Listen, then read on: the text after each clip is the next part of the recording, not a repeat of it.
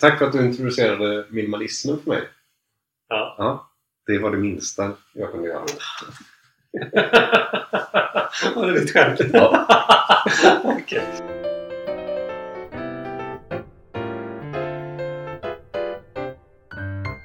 Hjärtligt välkomna till detta sjätte avsnitt av Litteraturhistoriepodden. Podden som är och handlar om litt. Jag heter Joakim, med mig har jag min trogna vapendragare och tillika torgvante Sebastian. Hej!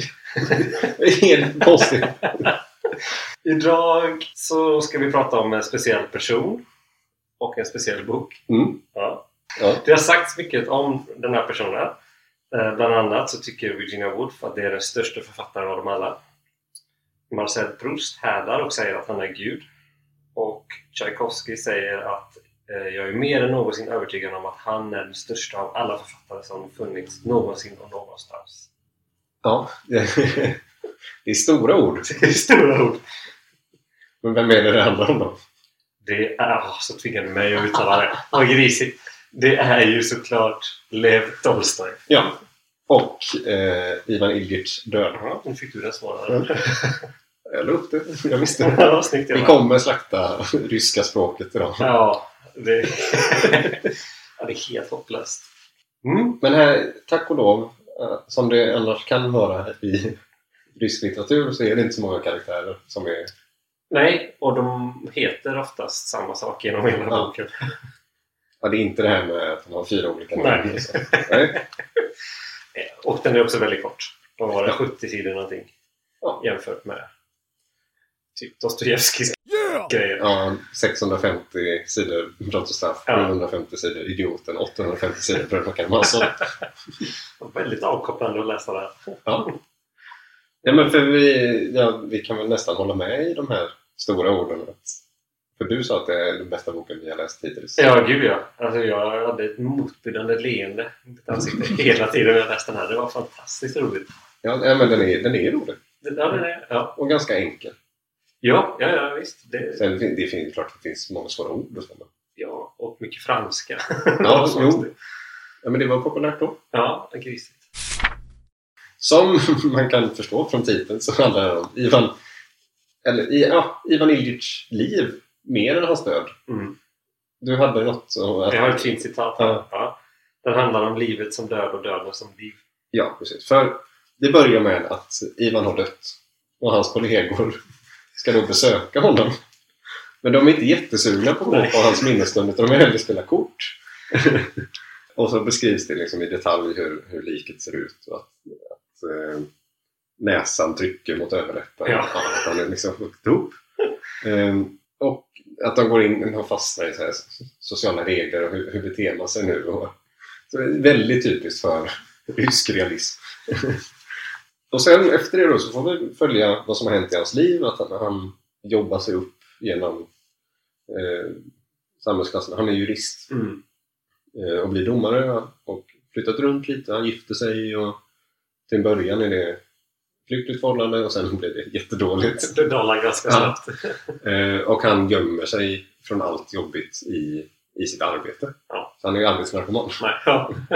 Ehm, och sen, ja, han, han lägger ju, han spenderar väldigt mycket pengar, han har köpt en ny våning och eh, ska hålla på att inreda den och det är en massa äktenskapsproblem kring det också. Men, eh, och han spenderar lite mer än vad han faktiskt Mm. tjänar så han försöker hela tiden klättra i karriären också för att få mer pengar till, till att inreda sin våning. Och hålla middagar och sånt. Så att han försöker ju stiga i alltså, societeten. Ehm, och när han håller på där och inleder så, så trillar han från en stege och slår sig. Ehm, och då blir han sjuk. Ehm, och det går ganska snabbt och han blir väldigt sjuk. Ja. Eh, och då berättas det om olika läkarbesök och, och han börjar fundera över sitt liv och inser att vad har jag gjort med mitt liv? Mm. Jag, jag har nog gjort fel. Jag har plågat människor och varit en hemsk människa. Och det är väl precis innan han dör som han... Han, han har också fått för sig att han inte var dödlig. Men, ja. Alla, alla andra är det, men jag som är en så fin människa.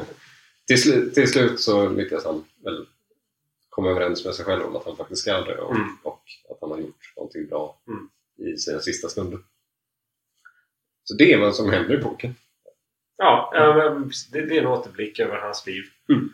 Och när han dör så är också boken slut. Ja. Ska vi ta lite om författaren? Eh, jag börjar du, Mm. för jag har bara skrivit i punktform. Ja, men det har jag med. Okej. Eh, Du kommer att dyka upp här lite också. Mm. Men jag har mest samlat kuriosa. Jag har inte blivit med om att samla så mycket fakta Nej. som faktiskt kommer att hjälpa oss att förstå den här eh, boken. och Sånt, utan jag lämnar det till dig. Mm. Så jag, jag tog det jag tyckte var lite roligt Okej. istället. så jag står för den biten.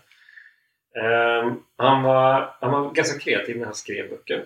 Vilket är roligt och bra. Han var inte lika kreativ när han skulle döpa sina barn. Så han döpte sin son till Leo Tolstoj. Ja. Det är nästan återkommande de böckerna, eller de författarna som jag har läst. här nu. De, de är dåliga på att döpa sina barn. storhetsvansinne. Och Han var också anarkoprimitivist. Primitivist, Mm. vilket innebär att man eh, förkastar alla civilisationers institutioner som förtryckande maktordningar. Han var också anarkopacifist, vilket är då en typ av anarkism som menar att alla former av organiserat våld, även som- det som kommer från staten eller från revolutioner, måste förkastas. Och, kanske det mest radikala av allt, han var vegetarian. Ja, Ja. Ja, han, han var ju en, en eh, förgrundsgestalt för anarkismen. Eh, Det är alltså 1800-tal. Ja. Eh, Han var kristen också. Ja, ja, Mm. gud ja. Men han blev utesluten från ryska ortodoxa kyrkan för att han var lite för kontroversiell. Så ska vi ta, vi tar det lite mer från början. Han eh, levde alltså under 1800 Han dog 1910. Mm. Jag kommer inte ihåg det. 1847 tror jag. Ja. Mm. Där- Det han kan man ju kolla upp. Med dagens teknik så har man tillgång till en fantastisk liten grej som man kan kolla upp saker på. Och vi kollar faktiskt upp det först. Jag har glömt av det. I alla fall. Hans eh, eh, far. Vet du vad han heter? Leo Tolstoj. Nej. Nej. Han heter Ilyich. Nej, väl? Ja. Jaha. Och hans far studerade juridik. Nämen! Ehm, Så undrar var inspirationen kommer ifrån. Ja. Vad är det här? Ehm, Och sen eh, Tolstoj då, han startade skolor. 13 stycken. Mm. Mm. Eh, Men det gick inte så bra. De fick lägga ner ganska snabbt. Eh, Och han hade också en fru. Han hade en ganska bra relation till henne i början. Men sen så blev det väldigt dåligt mot slutet. Ja. Jag får bara inflika här med att han hade en bra relation i början med sin fru. Mm. Han börjar alltså bröllopsnatten med att ge sin nyblivna fru eh, sina dagböcker där han har skrivit ner detaljer om hans tidigare omfattande sexliv. Ja, just det. Eh, Och det står också att, i den dagboken att en av de livegna på hans gods hade fött honom en son. Mm. Varsågod älskling. Ja, men det är väl bra att börja med ärlighet. ja, Men kanske li- lite över gränsen. kanske lite smidigare.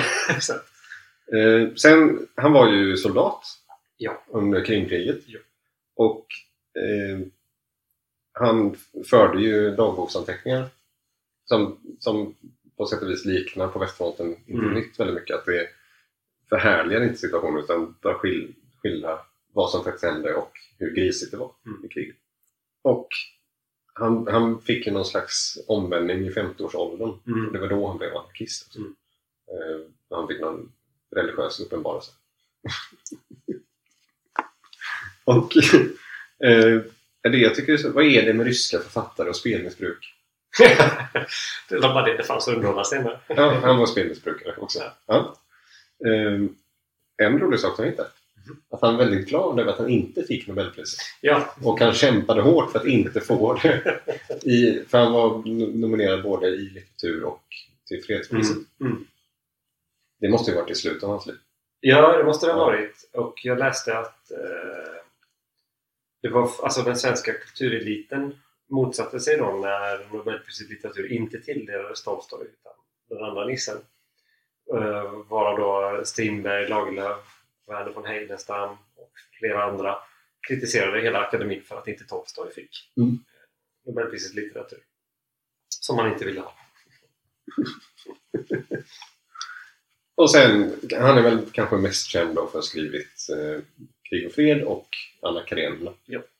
Men även Ivan Ilyich död. Men krig och fred är kanske det största. Den är nog mest kända hans verk. Ja. Och jag tror att den också slår rekord i Antal karaktärer. antal karaktärer. För ja, rysk realism, det är ofta många karaktärer och det är en lång namnlista i början av boken så man ska veta vad alla heter. Krig och fred har 580 karaktärer. Det måste väl vara rekord i, i att vara typisk för, för rysk litteratur. Så Mm. du kanske kan förstå varför vi inte valde krig och fred. Men någon gång ska jag läsa. Ja. Eh, När jag har mycket tid över. Ja. och ett anteckningsblock bredvid mig. Mm. Ja, eh, han, han har ju varit lite av en kuf då, Mm. eh, Tolstoj. Och jag har hittat flera likheter med dig Sebastian, vilket var väldigt roligt när jag läste på om hans liv. Eh, Okej. Bland annat så eh, avskydde han ju Shakespeare. Ja. Det känner vi igen. Mm. Han ansåg honom vara otillbörligt upphöjd och hyllad. Eh, Men han läste ändå Macbeth, Hamlet, Romeo och Julia, Kung Lear. Mm. Och när han hade gjort det så kände han avsmak, olust och förvirring. Mm. Sen läste han om dem Och när han kände var så. gammal. Ja. Och kände samma sak. Ja. Det är ändå skönt att han var konsekvent. i Ja. sin också. Och det är väl därför vi älskar honom också. man, han kände inte längre förvirring. Nej. Men fortfarande avsmak och olust. Ja. När han läste. Och du har ju läst Schopenhauer, eller hur? Nej, faktiskt inte. Nej. Eller jag, jag känner ju till Ja, ja, lite ja. så, men inte Asch. Ja, då försvann hela min grej här. vad det nu vi skulle säga. Jag har skrivit att han Tolstoj läste Schopenhauer och det var efter det som han radikaliserades. Ja, men det kan jag förstå. Schopenhauer kanske den bittraste filosofen någonsin. Och då är ändå Diogenes medräknad. Då är det illa. Men Schopenhauer är en riktig surgubbe. Som bara, alltså, och ganska dystra tankar. Låter som alla filosofer. Ja, Mm. eh, lite kuriosa. Det finns en Tolstoj-medalj man kan få. Mhm. Om, eh, det är ett litteraturpris då alltså. Ja, Eh, jo. och eh, en känd pristagare, Astrid Lindgren. Mm. Och det var det jag hade om Tolstoj. ja, men att han har eh, ättlingar lite över hela världen. också. Ja, och i Sverige. Mm. Eh, hans kreativt namngivne son, va? han flyttade hit. Hängde i Enköping. Mm. och nu vet jag inte vad ättlingarna gör. Jazzsångerskan var ju hon. Just det. Eh. Vad hon heter. Ja, hon hette ju inte Anna. Hon heter, nej, hon heter inte Anna. Hon heter Victoria. Tolstoj. Victoria Tolstoj. Victoria Just det. Tolstoj. Hon är jazzsångerska. Mm. Ja, nej, jag har inte heller jättemycket mer Men han hade ju inte så intressant liv, så det är inte så mycket att veta. Ja, men att han var lite tokig. Han var ju väldigt tokig. Vi tar lite om epoken, Mm. Okej, Ja, men realismen då. som jag hört sju gånger innan. Man ska skriva så realistiskt som möjligt. Ja. Det- bes- Väldigt ingående i detalj, allting som händer, hur folk ser ut, vad de tänker och känner. Mm. Ehm, och det är väl för att nu har ju kameran blivit populär. Ja. I tiden. Och då ska man skriva som att det är ett fotografi. Mm. Alltså. Ehm, Men sen också att psykologi som vetenskap har kommit igång. Och därför så är det många ryska författare som beskrivs som goda psykologer, att de beskriver ingående hur människor fungerar. Bo, bo, ja, Dostojevskij är väl kanske den främste där. Mm. Men Tolstoj eh, hyllades också för, för sina psykologiska insikter, Mm. Mm. vilket då också är typiskt för realism. Att, ja, men man beskriver tankar, känslor Mm. och varför folk gör som de gör. Ja. Ofta också att de eh, får någon slags insikt och ändrar på sitt liv. Så, ja, men brott och straff. Jag, jag står över Ja, just det. moralen. Jag ska testa detta nu. Nej! Och sen så blir han superreligiös istället.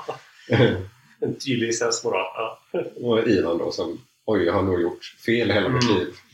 Och ändrar sig i sista sekunden. Exakt. ja, och sen har vi ju det med eh, att eh, miljön oftast är ju i städer också. Mm. Vi har ju tjatat om det här dimmiga London 71 miljoner gånger. Mm.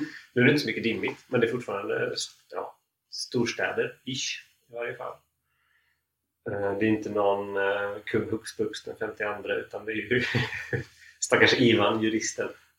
Ja, och i alla fall i, eh, om man tar brott och straff igen då, Mm. då är det ju precis som i Dr. Glas att det är så jätte, jättevarmt och Ja. dammigt och smutsigt Mm. i staden. Vilket det förmodligen var. Ja. Jag har ett exempel här på eh, realistisk personbeskrivning, eller en personbeskrivning från epoken realismen. Mm. Bara så att ni kan få lite koll på det. Och det är när man beskriver eh, Ivan Illich lik, som du var inne på förut. Mm. Och då är det så här. Den döde vilade, som döda pläga, mycket tungt, med de stelnade lemmarna på dödas vis nedsjunkna i kistans spår. Och som på alla döda sköt den gula vaxlika pannan med det tunna hårfästet fram över de insjukna tinningarna och den utstående näsan som liksom tryckte på överläppen. Ganska detaljerat. Mhm. Och där är det också det är någon som försöker sitta på en pall Ja, det går in bra. och trillar av den hela tiden. Att han är nervös hur han ska bete sig. Medan då hans änka mest är intresserad av hur ska jag kunna få mer pengar från statskassan? Det glömde jag, han blev ju 45, Ivan. Ja, han blev inte så gammal. Nej. nej, nej, för det, han beskrivs som väldigt sleten mot Ja. slutet. Ja. Ja, att han kan ju knappt röra sig. Mm. Han ligger och flaxar med armarna av ren ångest. Och Han, han tvingar sin stackars tjänare att hålla upp honom på hans ben hela natten när han ska sova. Och han tjänare är väl den enda han tycker om. Som, Ja. som faktiskt tar hand om honom. Och in, han, han är inne på att folk ljuger och liksom försöker förneka att nej, men du kommer tillfriskna snart. Och, så, men, men att det är bara kärnan som faktiskt accepterar att jag kommer nog dö. Då får vi ta hand om honom Mm. till, tills slut. I, I kapitel två då, men när det beskrivs eh, hans eh, karriärsutveckling och så. Mm. Det som är roligt är att det, det är väldigt positiva ord hur han beskrivs hela tiden. Men ändå så är känslan att det här var väl inte så... Det är en, det är en negativ bild som målas upp med väldigt positiva ord. Mm. Och Det är roligt. Det, det är fantastiskt roligt. Och det beskrivs i detalj hur han gör saker. Och, Men, ja, men ett exempel på det är ju när eh, han inleder den här nya våningen. Så han står och eh, funderar väldigt länge och går fram och tillbaka vilken färg det ska vara på tapeterna och Mm. möblerna och hela det hela. Det ska efterlikna liksom adelsklassen så mycket som möjligt. Och han var så himla nöjd. Eh, Framgår f- flera gånger och alla han bjuder över tycker det är jättefint inrett. Mm. Och sen så kommer författaren med en enda mening efteråt bara Nej, han härmar ju bara de andra. Det är inte så fint faktiskt. ja, det, det är ju verkligen inte... Han lever ju inte ett unikt liv. Nej. Nej, det har inte det. Han, eh, han verkar också bara ha två intressen i livet. Spela kort Och jobba. och jobba. En typisk ryss alltså. Ja, men det... det, det eh, eh. ja, men det, Väl sagt. Mm. Ja, tack. Ja, men det, det är ju en kritik mot den rådande samhällsordningen Ja. på något sätt och, och eh, societet. Mm. För det är också väldigt typiskt när det, att de här olika samhällsklasserna eh, det finns 14 nivåer. 14! ja, jag tänkte kanske 5. Nej, men det finns 14, de finns fortfarande kvar. Jaha. Eh, och de följer militära grader. Ja, Så att, eh, ja, naturligtvis. Ja. Mm. Men, men de, finns, eh, ja, de finns i krigsmakten, de finns i, inom ordningsmakten och civila statsförvaltningen. Och liksom, ja, man kan jobba sig uppåt. Eh, så att överst där, då är man ju general vid en myndighet. Ja, det är klart. Ja. Och sen generallöjtnant, Mm. generalmajor. Sen överste, eller statsråd. Ja, ja okej. Eh, och så ner till menig. Ja. Nej, det är 15 till och med. ja. Eh, Och då är man en vanlig bondepojk om man är menig. Nej, men då är man, då är man väl någon slags eh, assistent på lägsta nivå Ah, vid en okej. myndighet. Mm. Mm. Så att, Det är det samhället som vi behöver förstå då för att kunna förstå Ivan Illich strävan. att Etcetera. han, ja, Mm. han jobbar ju för guvernören. Mm. Jag vet inte vad guvernör hamnar på den här samhällsordningen, men kanske nummer tre eller något. Ja, högre upp i alla fall Ja. än honom. Och, och att han då, han blir domare. Mm. Han är uppskattad av sina undersåtar Säger han själv i alla fall. Ja. eh, utan att vara inställsam. Nej, precis. Utan att slicka uppåt. Ja. Ut- Han spottar inte neråt, han slickar inte upp. Han, han gör sitt jobb och framställer sig själv som att han är väldigt bra på sitt jobb. Förutom en, ja, när han inser att han håller på att bli sjuk. Mm. Så Då börjar han glömma av lite saker. Nej, precis. Han gör- gjorde några misstag och det reagerar folk på. Annars är det fläckfritt. Och sen, en annan sak som är väldigt typisk det är ju att det är en allvetande berättare i, Ja. i tredje person. Ja, för jag läste lite om... Du, fortsätt. Ja, det Mm. var det. Det var det, okej. Nej, för jag läste lite om det, eller jag ska säga att jag läste översättarens kommentarer om det. Mm. Så långt har jag efterforskat. Och tydligen så var ursprungstanken att han skulle skriva en dagboksroman i Mm. första persons perspektiv. Alltså mer lik dvärgen. Då. Mm. Eh, Men så ändrade han sig då för att han, eh, ja, jag- jag vet inte riktigt varför. Nej, men han, han ändrar sig. Men han ändrade sig och det blev mycket bättre så. Tänker jag. Ja, Alltså Men- då hade man ju fått fram den där humorn då. När han uppfattar saken på ett visst sätt och sen så kommer författaren och säger nej, Ja, precis. det är helt kallt. Det hade ju inte gått i en dagboksroman på samma sätt. nej, det blir ju mer eh, nyanserat. Mm. Och det är, ganska, det är ju lättare att skriva så som man skrivit och få fram det här eh, samvetskvalet och Ja, sådär. Ja. Än, än om det hade varit i dagboksform. Och sen vet man inte riktigt hur hade hon orkat skriva dagbok den här sista Nej. tiden. Men, nej, det, var, det var ett bra val av honom. Mm. Jag läste också lite att eh, förutom då eh, kopplingarna till sitt eget liv och sin egen pappa så var också förebilden till vår protagonist Ivan Illich en domare som hette Ivan Illich. mm. Eh, och Tolstoj då fick höra om Ivan Iljits död från Ivan Iljits bror Ilja Iljits som i sig var också en berömd forskare Ja. som 1908 tilldelades Nobelpriset i medicin för ökad förståelse av människans immunitet. Mm. Nu är kuriosa slut. ja, det var väldigt... Alla heter samma. Alla heter samma. Mm. Visste du att Tolstoj hade en jäkla massa kusiner? Nej. Och eh, de hade helt andra yrken än honom. Så vad hette Tolstojs kusin som ställde till med en massa oväsen och stim i tullen? Vet inte. Lev Tolstoj. Ja, det är så dåligt. Det är så... I alla skämt han sa. Ja, Ja. Vad hette Tolstojs tullarbetande kusin? Hette han- Lev Tullboy. Ja. Mm. Jag hittar inte vad de hade för smeknamn och så också. Nej, Metjnikov. Men jag vet inte hur det uttalas. Nej, men för att eh, det, ryska namn är uppbyggda som förnamn, eh, fadersnamn, Mm. familjenamn och sen ett smeknamn. Just det. Och hans smeknamn här är ju Vanje. Ja, det tog mig en liten stund att förstå vem de syftade på när det dök upp helt plötsligt. Ja, för det förklaras inte. Och det är ingen som kallar honom utan det är bara han i minnen. att Hans mamma Ja, kallar honom för det. Men det var inte så tydligt att, att det var det. Men det var också kul, för jag funderar på om hans namn betyder någonting. Han heter ju Ivan Iljitj Golovin, kanske. Ja. Golovin. Och eh, tydligen så kommer det ifrån det ryska ordet Golova, som betyder huvud. Mm. Men kanske inte mer i sin konkreta form, utan mer så här abstrakt familjeöverhuvud. Ja, okej, ja. Den typen.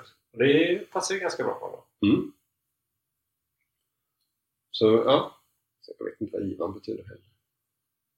Nej, om man hade haft sån där konstig motiv så hade man ju kunnat kolla upp det. Speciellt innan man spelar in ett avsnitt. Ja, men det var inte... Golovin var väl viktigare.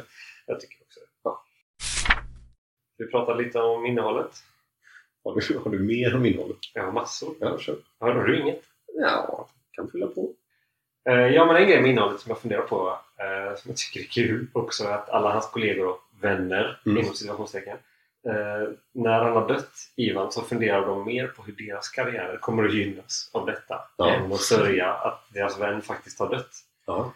Eh, och de var så himla glada att det var han som dog och inte de som dog. Det återkom liksom flera gånger i Ja. början där. Ja. dödsångesten och det förstår man ju sen lite mot slutet varför det är så.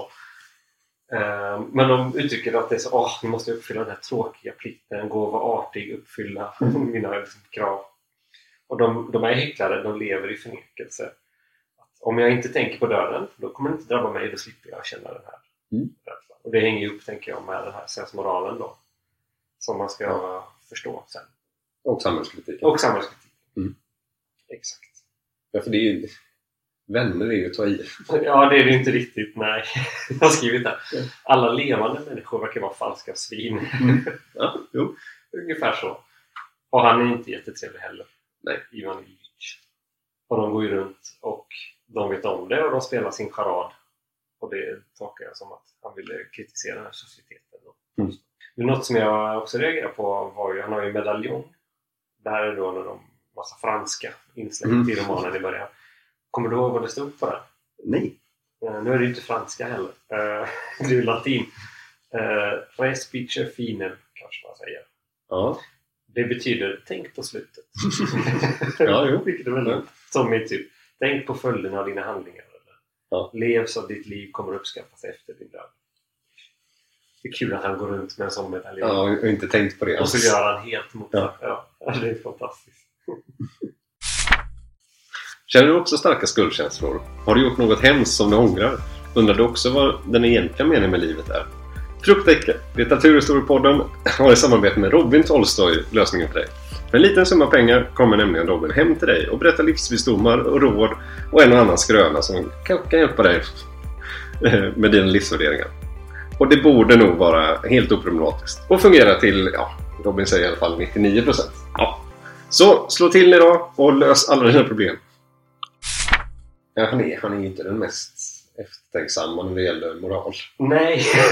Och han jobbar med... Han är domare. Ja. Ja.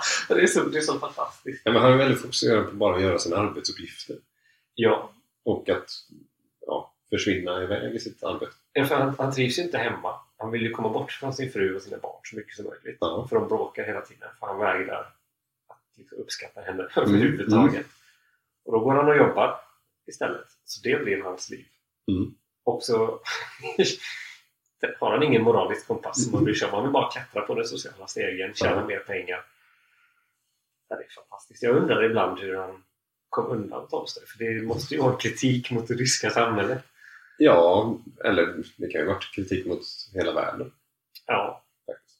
Det är väl kanske därför han kom undan med det. ja. att, eh, att det var tendenser som fanns på andra ställen också. Inte enbart i Ja.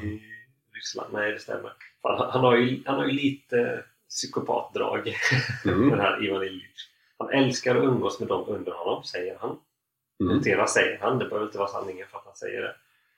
Eh, Men han säger då att det gör han för att visa hur trevlig och hövlig han är. Mm.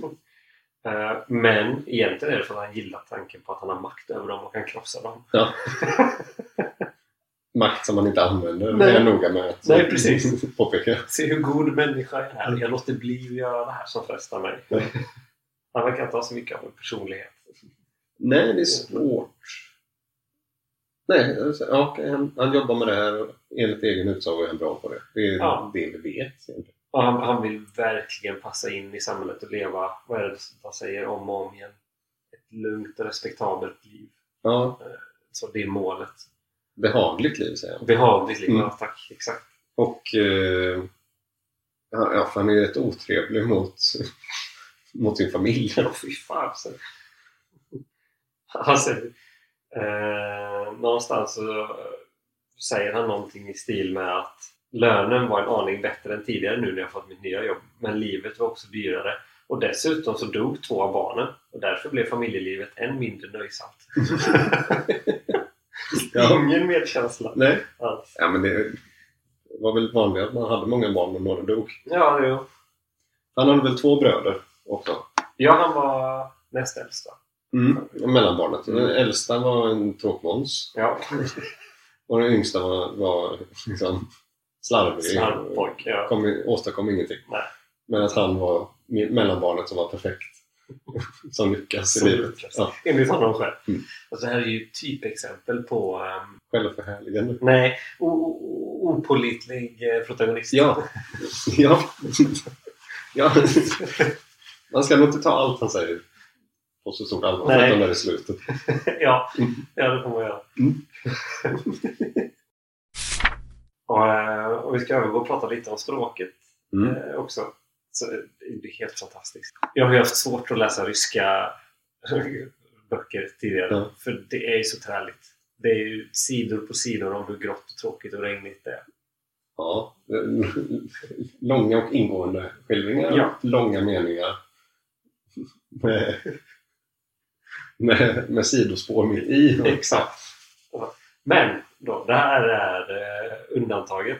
För det är inte så. Det är visst det är ingående och det är långa meningar. Lära, lära, lära. Mm. Men det är också bara 70 sidor. Ja. Så det går att ta sig igenom. Och språket är ju fantastiskt. Eh, Det är så himla roligt. Jag har ett citat jag ska ta här som fick mig att skratta rakt ut. Mm. Faktiskt. Eh, Och det är när Mm. han eh, beskrivs då varför han gifte sig med sin fru från början. Att Påstå att Ivan Illich gifte sig därför att han var kär i sin fästmö och hos henne fann anklang för sin syn på livet. Det vore lika orättvist som att påstå att han gifte sig därför att människorna som han umgicks med gillade deras parti. När Ivan Illich gifte sig gjorde han det av båda skälen. Genom att skaffa sig en hustru som denna gjorde han livet behagligt för sig. Samtidigt som han gjorde vad högre uppsatta människor ansåg riktigt. Ja, men det finns alltid en, en viss ironi i, i nästan varje mening. Ja, Ja. ja, ja men det, det är ju satirernas satir på Mm. något sätt. Men, nej, men jag, jag älskar det. det är, Ja, det, men det, är som Mm. sagt, det är den bästa boken jag har läst nu eh, som vi har läst Ja. för att spela in den här podden. Ja. Det är- var roligt hela tiden. Just för att det är så kul. Det är lite samma som med dvärgen. Det är kul att ha någon protagonist som går omkring i sin självförhärligande värld. Antar att det är så här alla uppfattar världen. Ja. Och sen är det helt tvärtom.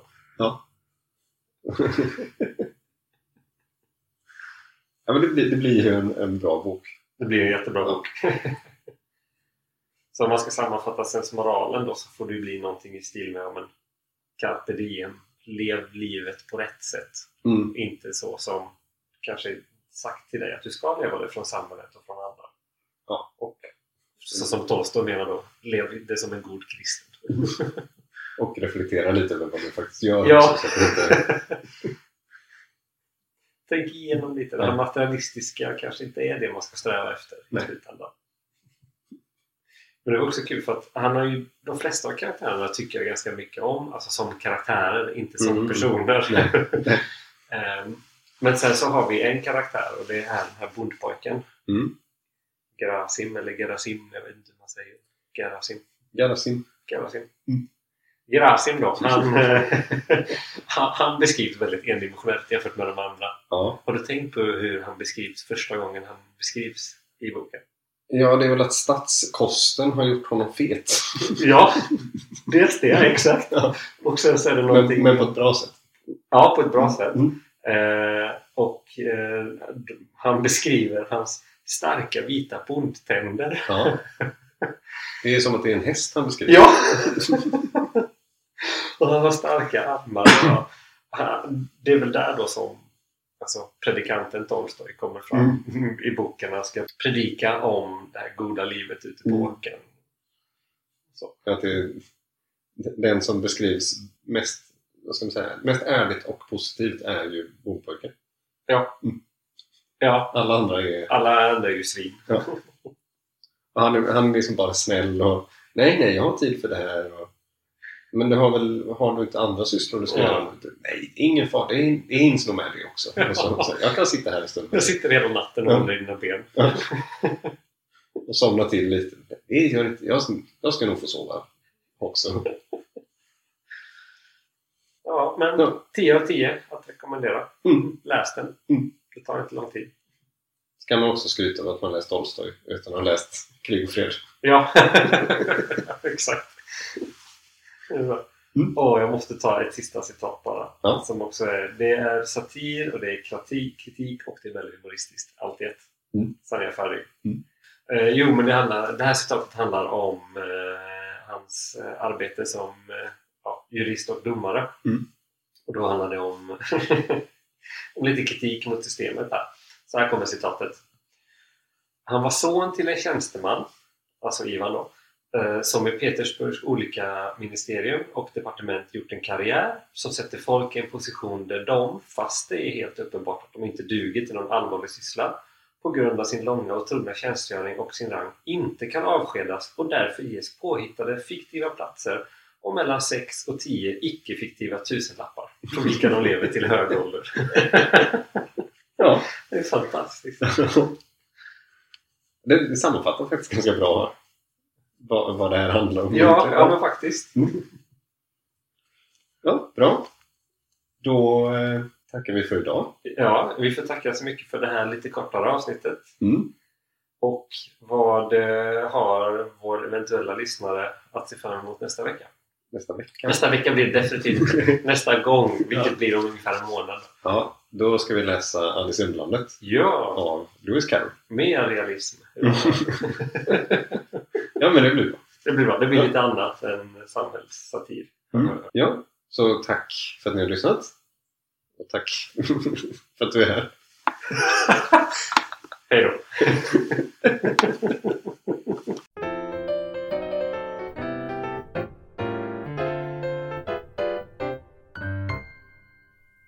Vad hette Leo Tolstojs mer livräddande kusin?